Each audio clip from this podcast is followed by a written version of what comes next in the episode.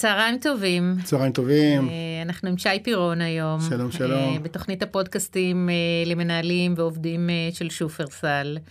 שמחים מאוד לארח אותך, שי. תודה, תודה.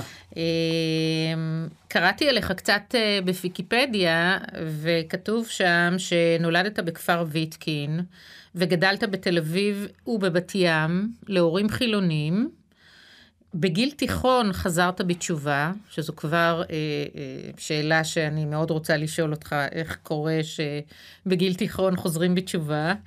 אה, שירתת בצה"ל במסלול הסדר של חיל החינוך, מדריך, מרכז וחבר הנהלה בבני עקיבא כ-20 שנה. אה, את הסמכתך לרבנות קיבלת מהרב הראשי מרדכי אליהו, בלי שהשלמת את בחינות ההסמכה. הקמת את מדרשת ללכת בדרכיו, קירוב בין דתיים לחילונים. הקמת את כוח לתת לעזרה לנזקקים וגן עלות לילדים אוטיסטים, חבר הוועד המנהל של עלות ושל ארגון נוסף לכבדי ראייה, לכבדי ראייה, אה, פעיל למען זכויות של אנשים עם מוגבלות, מיוזמי תוכנית חותם ופעלת לשילוב תלמידים ממוצא אתיופי במערכת החינוך. אה, מדריך תלמידים במסעות שורשים לפולין, גר באורנית, נשוי לברוריה, אה, שישה ילדים, אחד מהם אומץ לאחר שננטש בלידתו עקב נכות פיזית, והרשימה עוד ארוכה. כן, גם אני, וואלה, אני אלך לקרוא. מעניין, כאילו איפה קראת את זה? שאני. בוויקיפדיה, ואני שואלת את עצמי, מתי יש לך זמן לעשות את כל העשייה הזאת? אה, ומה בעיקר אתה עושה היום מכל מה שציינתי? אז קודם כל אני רוצה לומר שברמה המהותית אה, אני לא מרגיש עסוק. כלומר זה לא שכאילו זה שכל דקה ביום, אה, למשל עכשיו אחרי השיחה איתך אני הולך לעשות את הדבר הכי משמעותי בחיי. שהוא? זה היום בשבוע שבו אני מוציא את הנכדה שלי מהגן, אז כאילו... איזה כיף. זה לא, אני, אני לא חושב שאני נמצא באיזשהו מקום של לחץ, אבל אני כן חושב שהחוויה המאוד מאוד עמוקה שלי, שאנחנו חיים ב, בעולם שבו לכל אחד יש ייעוד. ובסופו של דבר אתה צריך לשאול את עצמך בסוף היום, אחר כך בסוף השבוע, אחר כך בסוף החודש, אחר כך בסוף השנה, האם קיימתי את הסיבה שבגללה באתי לעולם? האם בעצם אה, מה עשית היום בשביל מדינה היה פעם אה, פלטו שרון? אני חושב שבמובן העמוק של המילה, אה, אני חי באיזה מין תודעה שיש שליחות, אדם נולד כדי לעשות משהו, וזה יהיה די מבאס אה, להיפטר מן העולם. בלי uh, להותיר את ה... לעשות את הדבר הזה. זה לא כדי להותיר חותם, זה לא כדי שידעו מי אני, מצידי שלא ידעו מי אני לעולם, אבל כדי שהדברים הטובים שאני יכול לעשות, uh, אני אצליח לעשות אותם. ולכן בעצם אני תמיד אומר שזה בסדר שיכתבו לי על הקבר בבוא היום, רצה לעשות טוב.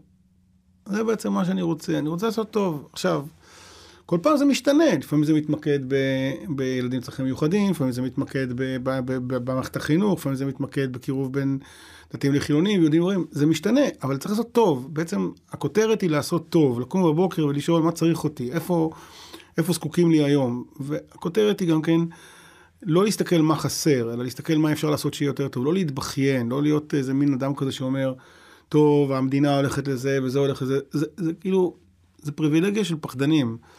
אמ, ובאופן יותר עמוק אני גם אומר שאני כן מרגיש שמדינת ישראל נמצאת באיזשהו תהליך מאוד מאוד בעייתי, ולא לא ראיתי אף פעם מישהו שבאמצע הקרב אומר אין לך לנוח.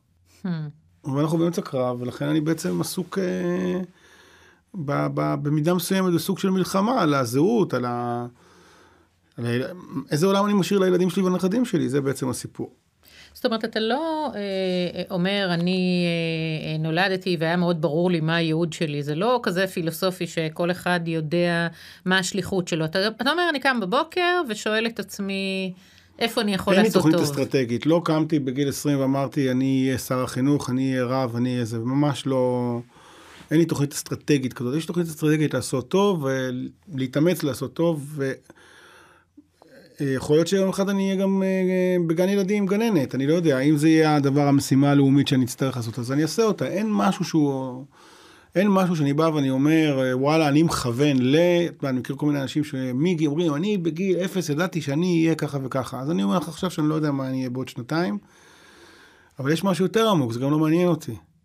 זה לא שכאילו אני חי באיזה מין... אה, אני עושה את הדבר הכי טוב שאני יכול לעשות, כאן ועכשיו. זה נשמע מאוד מאוד יפה ומאוד מאוד... גם מתסכל לפעמים. עם השראה, ואני שומעת פחות את התסכול, אני שומעת באמת את ה... איזה, איזה יופי ואיזו השראה. ומצד שני, אני שואלת אותך, האם זה לא נועד לאנשים שהם...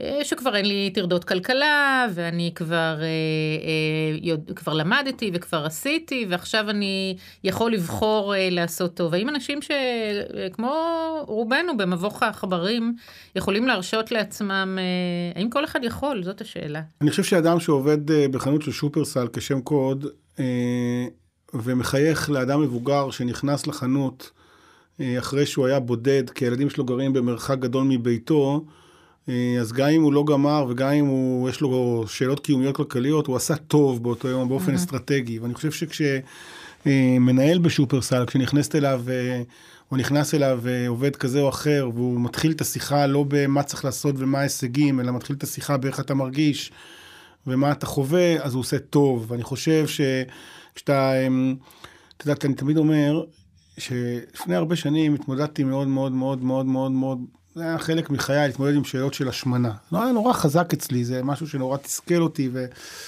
וזה הפריע לי בכל פרמטר, גם בפרמטר אה, בריאותי, אבל גם בפרמטר של דימוי. אה, ואני זוכר שאשתי קנתה לי ספר של חיל המרינס. יש ספר כזה, שהיא אמרה לי שמישהו אמר לה שמי שעושה את זה, מובטח לו שהוא יורד איקס קילו בזד זמן. זה מעניין. וקניתי את הספר הזה, זאת אומרת, היא קנתה לי את הספר הזה, וסיכמנו שבמסגרת לוח הזמנים המצוי בפנינו, אני אה, אשקיע 20 דקות ביום בתוכנית. ובאמת עשיתי את זה כמו שאני יודע, ככה כל יום 20 דקות, כמו שזה, ואחרי חודש עליתי על המשקל, היה כתוב שלא עולים על המשקל כל החודש, אחרי חודש עליתי על המשקל, ולא ירד גרם, גרם, אבל עשיתי כל מה שכתוב, וזה היה נורא מתסכל. ואז הלכתי, אמרתי לאשתי, את יודעת, לא עשינו משהו שאולי צריך לעשות, בוא נקרא את ההקדמה. את ההקדמה של הספר. ובהקדמה היה כתוב שהדיאטה הזאת, הפעילות הזאת תעבוד רק אם אתה עושה את זה מחצי שעה ומעלה. כל מיני כללים של מטאבוליזם וכולי וכולי, ובאמת, דרך אגב, עברתי לחצי שעה וזה עבד. ואז אני חושב שכאילו עשיתי לעצמי איזשהו תרגום, ואתה אה, בא הביתה, אתה פוגש את הילדים שלך, אתה שואל אותם, מה נשמע? בסדר, איך אתה מרגיש? יופי. ואז אתה אומר, אני בקשר טוב עם הילדים. כן. אבל זה כמו, זה כמו כושר, רק אחרי חצי שעה מתחילים לדבר, כאילו, זה לא... יש אנשים ש... כאילו, מה אתה חושב שאתה תבוא לילד שלך, או לתלמיד שלך, או לעובד שלך, ותשאל אותו מה נשמע, וישר הוא יענה לך על, ה... על, על... את כל הדברים? כמו שבכושר, אחרי חצי שעה זה מתחיל לעבוד, אז באותה מידה אני חושב שלעשות טוב זה למשל גם להיות נוכח. כשהייתי ילד, את שואלת אותי, אמרתי לך שלא היה לי חלום להיות כלום, אבל היה לי פעם חלום נורא גדול כשהייתי בן 7-8, להיות שאני אהיה גדול קובי מידן. זה היה חלום שלי, למה? כי תמיד יושב כזה, יש לו איזה תנוחה כזאת, ואתה מדבר, והוא אומר לך, כן, כאילו, יש משהו, אתה יכול להיות למשל האדם הכי הכי הכי הכי הכי עסוק, אבל בדקות שאתה עומד מול אנשים אתה נוכח, אתה עושה טוב בעולם. אני חושב שהרבה פעמים אנשים חושבים שכדי uh, לעשות טוב אתה צריך להיות בעל אמצעים או בעל השכלה. אבל קופאי, מנקה או מנהל מחלקה או מחנך בבית ספר, העולם שממנו אני בא, מנהל בית ספר, באינטראקציות הקטנות, בדברים הכי פשוטים. אני אגיד אפילו יותר מזה, זה דברים יותר חשובים מהדברים הגדולים. בסוף, האופן שבו אתה נותן לאנשים תחושה שאתה כאן, אתה נוכח. לפני כמה זמן היו אצלי אנשים ואז היה צלצול טלפון והייתי צריך לקום. שאלו אותי למה אתה קם? אמרתי צריך ללכת את הטלפון שאלו אותי מה זאת אומרת למה אז אני אספר להם שבמשרד sלי יש לי מרחב עבודה ויש שם בצד שירותים הטלפון שלי נמצא בשירותים קבוע, הוא לא נמצא לידי. למה? כי גיליתי שכשיושבים מולי אנשים והמכשיר הזה נמצא לידי, אני לא נוכח. נכון. אני לא נוכח. לעשות טוב זה דברים קטנים. הזזת את הטלפון שלך עכשיו למקום אחר, עכשיו אני יושב מול סמדר, כשאני מדבר איתה, אני נוכח מולה, אני מדבר רק איתה, עשיתי טוב, עשיתי טוב. ולכן אני חושב שכל החשיבה הזאת, שהרבה פעמים אנשים מסתכלים על, על לעשות טוב בכלים הירואיים, בשינוי עולם, שינוי עולם זה משהו נורא קטן. משהו נורא קטן, הוא קיים בכל מקום, הוא קיים בחברות גדולות, הוא קיים ב, ב, במשפחה, הוא קיים במקומות מאוד מאוד פשוטים, ו, וכמו שאנחנו אה, יודעים שאוכל מהיר הוא פחות בריא, כי הוא צריך את הזמן שלו, וכמו שאנחנו יודעים שבאהבה בין בני זוג, אה, המהירות היא לא בהכרח מסמלת קשר, אלא היא מסמלת איזה סיפוק רגעי, וכמו שבשיחה, אז הזמן, לאט לאט, 30, 30 דקות בכושר. פתאום התחלתי לדבר עם הילדים שלי שיחות יותר ארוכות, שה-25 דקות הראשונות הוציאו אותי מהכלים כי הם היו על שטויות. אבל הבנתי שהם רק בוחנים אותי, אתה נינוח עכשיו, יש לך סבלנות לשמוע, אתה כאן בשבילי. תראי לעצמך שאתה נכנס ועובד שלך יושב מולך ואתה מדבר איתו עשר דקות או רבע שעה בכלל לא על העבודה, על מה איתך, מה אתה מרגיש, מה אתה חווה, מה שלום ההורים, מה שלום זה, ואז פתאום, פתאום אני, אני אגיד לך מה אני באמת מרגיש. לי יש תמיד הרגשה ששואלים אותי מה שלומך, לא באמת מתכוונים. נכון. זה, זה, גם, גם אני שמה לב שאנשים לא באמת עונים. זאת אומרת, נכון, שואלים בסדר. מה שלומך, אחלה. אם אומרים בסדר, זה, זה טוב, אבל בדרך כלל הם מחזירים במה שלומך, בחזרה. זאת אומרת, אני מנומס באותה מידה. אני תמיד צוחק על זה שהיה לי ילד שכשהוא היה בכיתה י"א, אז אם הוא היה אומר לי את הנון של כן, כן. זה היה סימן שהוא מפרגן לי חבל על הזמן. בדרך כלל זה הסתפק בכ. כן, זה כאילו, זה היה הסטנדרט. כשהוא אמר כן עם נון, ידעתי שאנחנו עכשיו בפריחה חברתית, והעסק עכשיו זורם באופן שאין דברים כאלה. אז אני אומר, לעשות טוב זה לא בהכרח לעשות טוב, זה בעיקר להיות טוב, וזה בעיקר להיות. פשוט להיות. אנחנו כל הזמן בדבר הבא, בפגישה הבאה, באירוע הבא, במחר. יש לך היום, אתה כאן, שב. הנה עכשיו אנחנו ביחד, עזבי, אפשר לנתק את ההקלטות, לא צריך, אנחנו כאן שנינו, מי צריך איזה? כיף. וכשאני קוראת באמת את כל, את כל הרזומה שלך ואת כל מה שאתה מספיק, ובוודאי, אני חושבת שרובנו מכירים אותך אה, כשר החינוך, אה, לפחות אה, אני התוודעתי אליך אה, בתקופה הזאת, ובאמת אה, אה, השארת חותם שם במסגרת, אה, במסגרת הזמן אה, שהיה לך. ושם דווקא אני רוצה לשאול אותך... תראי, במערכת הפוליטית של השנים האחרונות, להיות שנתיים זה המון נכון, זמן. נכון, אני אני הייתי שר מסכימה ותיק איתך. מאוד. פעם תמיד הייתי, בדיוק עכשיו התקשר אליי איזה חבר שהוא שר בממשלה, ואמרתי לו, תקשיב כפרה, כשאני גמרתי את זה אמרת לי שהייתי מעט זמן, אתה רבע מהזמן שלי אתה לא מגיע, אז מה, מה התנסית עליי פעם, כאילו, אני תחשבי. מסכימה איתך כן. לגמרי. שנתיים, פו! ואני חייבת להגיד לך ש... ככה, גם כשאני קוראת עליך ואת הספרים שכתבת, אתה, אתה נתפס כאיש מאוד ערכי. אה, ו, ואני שואלת איך אה, התנהלת בתוך הפוליטיקה, שזה נראה תמיד אה, משהו שמאוד מתאים לאנשים חלקלקים, ולאנשים שלא תמיד באים באמת בשביל לעשות, לא סתם נולד המושג פוליטיקאים או דיפלומטים. ושם אני רוצה לשאול אותך, אחד, איך באמת צלחת את, ה, את התקופה הזאת, אה, ואני מניחה שגם שם נדרש חוסן, אה, חוסן רב כדי להתנהל ביום-יום של הביצה הזו. אה, והאם באמת אתה חושב שאפשר להיות בתפקידים כאלה בכירים? עם כל כך הרבה ממשקים ואתגרים ו- ודינמיקות, ועדיין אה, לשמור על הערכים שלך ועל האני מאמין שלך ו- ועל מה שאתה באמת רוצה לעשות. א', לא יודע, אבל אני יכול להגיד מה החוויה שלי, כאילו, אני לא, לא רוצה כאן להגיד דברים שהם... אה, חוויה שלך. כן, כאילו, שהם... זה כוכב הצפון שלי. אז קודם כל אני רוצה להגיד ש... אה, אני רוצה להזכיר, זה מאוד משמעותי, שאני לא הלכתי לפוליטיקה ונהייתי שר חינוך, אלא הבטיחו לי להיות שר חינוך ולכן נהייתי פוליטיקאי. זה, זה מקרה הפוך קצת. כלומר, יאיר לפיד בא אליי והציע לי לבוא לפוליטיקה בשביל זה. כלומר, אם הוא היה מציע לי, בוא תרוץ לכנסת ונראה מה יהיה, אני מניח שלא הייתי הולך. ולכן בעצם, קודם כל, אני חושב שכל ה-state of mind ב-day one היה אחר לחלוטין בכל ההתייחסות. ובאמת, אה, ברגע שזה אה, לא הלך, לא צלח, אז באמת פרשתי. כלומר, לא נשארתי, את יודעת, לפי המודל של אריק שרון, צריך להישאר על הגלגל. ויבואו עוד בחירות, ואתה, אני לא, לא נשארתי בדבר הזה, כי באמת חשבתי שמבחינת uh, מה שאני יכול לעשות, לשבת בספסלי האחוריים של האופוזיציה, לא שזה תפקיד לא חשוב, זה תפקיד לא חשוב בשבילי, בגלל mm-hmm.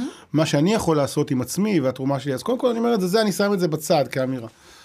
אבל אני רוצה להגיד שאני חושב שיש שלושה או ארבעה דברים שהם אה, המדריך, אני תמיד אומר לחברים טובים שלי שולחים פה, המדריך למי שהולך להיות בממשלה. אמ, אני זוכר את האירוע, הגענו מהכנסת, לבית הנשיא להשבעת הממשלה. עכשיו תקשיבי, זה אירוע מטלטל, זה היה באפ, באפריל, ובאוקטובר עוד הייתי מנהל בית ספר. תחשבי רגע על הסיטואציה, בסדר? אתה באוקטובר ניהלת בית ספר, באפריל אתה כאילו עזבת, טוב. חודשיים אחרי זה קמפיין בחירות, בחירות, חודש אחרי זה, ו... ואז בדרך ל... עכשיו, את צריכה להבין איך זה הולך. אתה כאילו עלית על הדוכן, נשבעת, ברגע שאתה יורד, אתה כאילו בן אדם אחר. מאבטחים, רכב שרד, אה, אתה יודע, כאילו בשנייה אחת, הכל, אה, יש שם סדרה בנטפליקס שנקראת השורד המיועד, שאני רואה את זה מדי פעם, יש שם את הקטע של הבן אדם שפתאום הוא נהיה, וכאילו, זה לא שוט כזה, אתה אתה יודע מה? ואשתי אתה אומר לעצמך ואשתי בבוקר? מתיישבת לידי, רגע, ואשתי אשתי מתיישבת לידי, ואנחנו נוסעים, ומגיעים לבית הנשיא, ונעמדים ליד עמר פרס, זכרו לברכה, והממשלה נשבעת, ואז אנחנו נכנסים לאוטו, ולראשונה בחיי, הנהג לוקח אותי הביתה. דרך אגב, אני מגיע הביתה, רק שתביני, כבר המנוף מוריד את הבוטקה בכניסה לבית שלי. כאילו, משהו כזה, שאתה בכלל לא מבין מה קורה פה. ואז בדרך אשתי אומרת לי, אני רק רוצה להגיד לך שלושה דברים. אל אל תדון אותה לכף חובה, היא אישה מדהימה. היא אומרת לי, אני לא רוצה שיהיה אי הבנות. את ה... לשטוף רצפה במוצאי שבת אתה ממשיך לעשות. תיאום אחד, ציפיות הוגן ביותר. כאילו שלא יהיה אי הבנות. שתיים, היא אומרת לי, אתה חייב לדעת שאתה תגיע, וזה אפרופו, אנשים לא, זה, זה, זה פודקאסט, אז לא רואים אותנו, אבל זה די מסביר את מה שקרה בחוץ, כי אשתי רודפת אותי במחאות כפולות במובן החיובי. מכינים לך קפה רק כשאתה לא יכול להכין לבד. אל תשתמש בצוות הלשכה כדי שהם כל הזמן יכינו לך קפה. וואו. אם אתה לא יכול, יש פגישה, שיכינו לך. וכל מי שמכין לך, תדאג שלפחות פעם ביום אתה תכין לו. אני רוצה לפגוש אותה. והדבר השלישי שהיא אמרה לי, אה, אני נורא מבקשת ממך שבלשכה יהיה לך בגדים של בני אדם רגילים, כשאתה יוצא החוצה וזה, אבל בלשכה תהיה לבוש כאחד האדם. תמיד היה בדיחה במשרד החינוך, כשהייתי מגיע ללשכה, איך שהייתי עולה, אז uh, תמיד היו שואלים איפה השר, היו אומרים השר מתארגנת. הם ידעו שאני עכשיו מחליף לטישרט, לג'ינס, לא משנה מה, אבל זה היה זה הערוץ הראשון שאני רוצה לומר, תזכור שאתה בסוף בן אדם. זוכר שפעם אחת פגשתי איזה שר במשבר מאוד מאוד גדול שהיה לו, ושאלתי אותו, ישבנו ליד שולחן הממשלה, ואמרתי לו, תגיד, למה אתה לא פורש? למה אתה לא פורש? מה אתה צריך את זה? אז הוא הסתכל עליי בעיניים עצובות, ואמר לי, פירון, אני כבר 30 שנה לא הלכתי להשתין לבד. וואו. כאילו, אתה מבקש ממני, כאילו, לא פתחתי דלת של אוטו, דלת של אוטו אני לא פתחתי. ואני חושב שבעצה הזאת של אשתי, קודם כל לזכור, פה פרופורציות. מי אני, אני בן אדם, יש לי בגדים רגילים, אני מכין קפה ושותה קפה, אני שוטף את הבית שלי, אני עושה את כל הדברים שאני צריך לעשות. כל הדברים האלה בעיניי הם הצעה אחת. נקודה ראשונה. הדבר השני שאני חושב שצריך uh, לעשות זה, לא, דיברת על חוסן וזה נורא מתחבר לי איך שאמרת את זה ככה, זה צף לי ואפילו הרגשתי שאני צריך לכבוש דמעה. Uh, אתה צריך לחוות את הדברים מבפנים ולא להתייחס, לא להסתכל עליהם מבחוץ. תראה, אני הייתי שר בשני אירועים שהם היו צמודים אחד לשני, אבל אחד מהם ישב עליי כשר החינוך מאוד חזק, נחטפו שלושת הנערים. זה היה אירוע מטלטל, אני כל ערב עברתי, עד שמצאו אותם, עברתי את שלושת המשפחות. כל ערב. מדהים. כל ערב. אני לא אפרט, חלק מהדברים פשוט פורסמו וחלק מהדברים לא פורסמו. ברוב הימים כבר ידעתי מה סוף הסיפור. ישבתי מולם וידעתי מה סוף הסיפור. נורא. ופגשתי את אה, בת גלים ואת רחלי פרנקל ואת משפחת יפרח כל ערב כשאנחנו מדברים על איפה מחפשים ואולי ניסע לאו"ם ואולי נדבר עם ההוא כשאני יודע בדיוק אבל בדיוק בדיוק בדיוק מה קרה. וחוויה שנייה שאני זוכר זה הגעתי לבית של אישה אני זוכר את שמה אני לא אומר את זה עכשיו. אמ, הבן שלה נהרג בצוק איתן אחרי זה היה צוק איתן אמרתי שתי חוויות. ובאתי הביתה, ואליהם הביתה בשבעה, ואתה יודע, אתה מגיע השר, והאימא נפלה עליי ברמות שאת לא יכולה לתאר. הילדה פצוע, למה נתנו לו להיכנס? ובשני המקרים האלה הייתי צריך לקבל החלטה. האם אני השר או שי? אני רוצה להסביר את המשפט הזה. האם אני יכול לבכות שם? האם אני יכול לבכות שם? האם אני יכול לשבת בבית של האבלים ופשוט להתחיל לבכות עם האמא? פשוט להתחיל, מה את רוצה שאני אעשה עכשיו? ובעצם גיליתי שהבכי שהיה שם בבית ההוא בפרדסיה, הוא היה הביטוי הכי עמוק לחוסן. כי זה אומר שלא הייתי שחקן, ולא נכנסתי לדמות אחרת. ואני חושב ש... אתה פוגש ילד, אתה פוגש ילדה, אתה רואה מורה, אתה רואה מורה, אל, תה, אל תהיה בובה, אל תהיה מוצר, אל תהיה הדבר שאתה, תהיה מי, שאתה, מי שאתה. זה הדבר השני שאני חושב שהוא מאוד חשוב. אמ, הדבר השלישי שאני חושב שהוא מאוד מאוד אמיתי, זה אל תשקר את עצמך. אני למשל חושב שבישראל יש המון בעיות של בירוקרטיה ומשילות ושלטון פקידים. תגידי, כל מה שאת רוצה, אני אגיד לך בסדר, בסדר, בסדר. הרבה פעמים הוא תירוץ עלוב של פוליטיקאים כשהם לא רוצים לעשות באמת. אם אתה רוצה לעשות, אתה יכול. תקשיבי טוב, אני לא חושב שאת מתארת לעצמך, וגם אני עד היום לא מתאר לעצמי, איזה כוח יש לשר. בתפילה הרבה פעמים אני אומר בבוקר, הוא אמר ויהי, הוא ציווה ויעמוד. אומרים את זה על אלוהים, אבל כשאתה יושב בלשכה שלך ואתה אומר משהו, הוא אמר ויהי. כאילו, תחשבי שאתה נכנס לאנשים, אתה אומר בבוקר, תחשבי על הסיטואציה, יש פה אנשים צעירים במרחב שלנו, אתה אומר להם, חבר'ה, אתם רואים את התאריך היום? בראשון ביולי, בתי ספר של חופש גדול. כאילו, מה? אני אומר, תקשיבו טוב, ככה החלטתי, זה מה שאני רוצה. אומרים לך, אבל זה עולה 200 מיליון שקל, אני אומר, אוקיי, אין בעיה, אתה יודע, זה יהיה... ב... או דוגמה אחרת שהיא מהממת בעיניי מבחינת החוויה. זה כמעט עצוב. מה? זה כמעט עצוב. לא, אז אני אומר, אל, אל תתכסה בתירוצי סרק. אם אתה רוצה זה יכול לקרות. אבל אנחנו אומרים, זה אי אפשר. לשני הכיוונים. מה?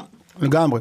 זוכר שנסעתי לפולין באפריל 2014, אפריל 2013, והיה שעתיים פנויות בין לבין, חנכו את ה-70 שנה למרד גטו ורשה, משהו כזה, אני לא זוכר מה, הצגתי את ממשלת ישראל.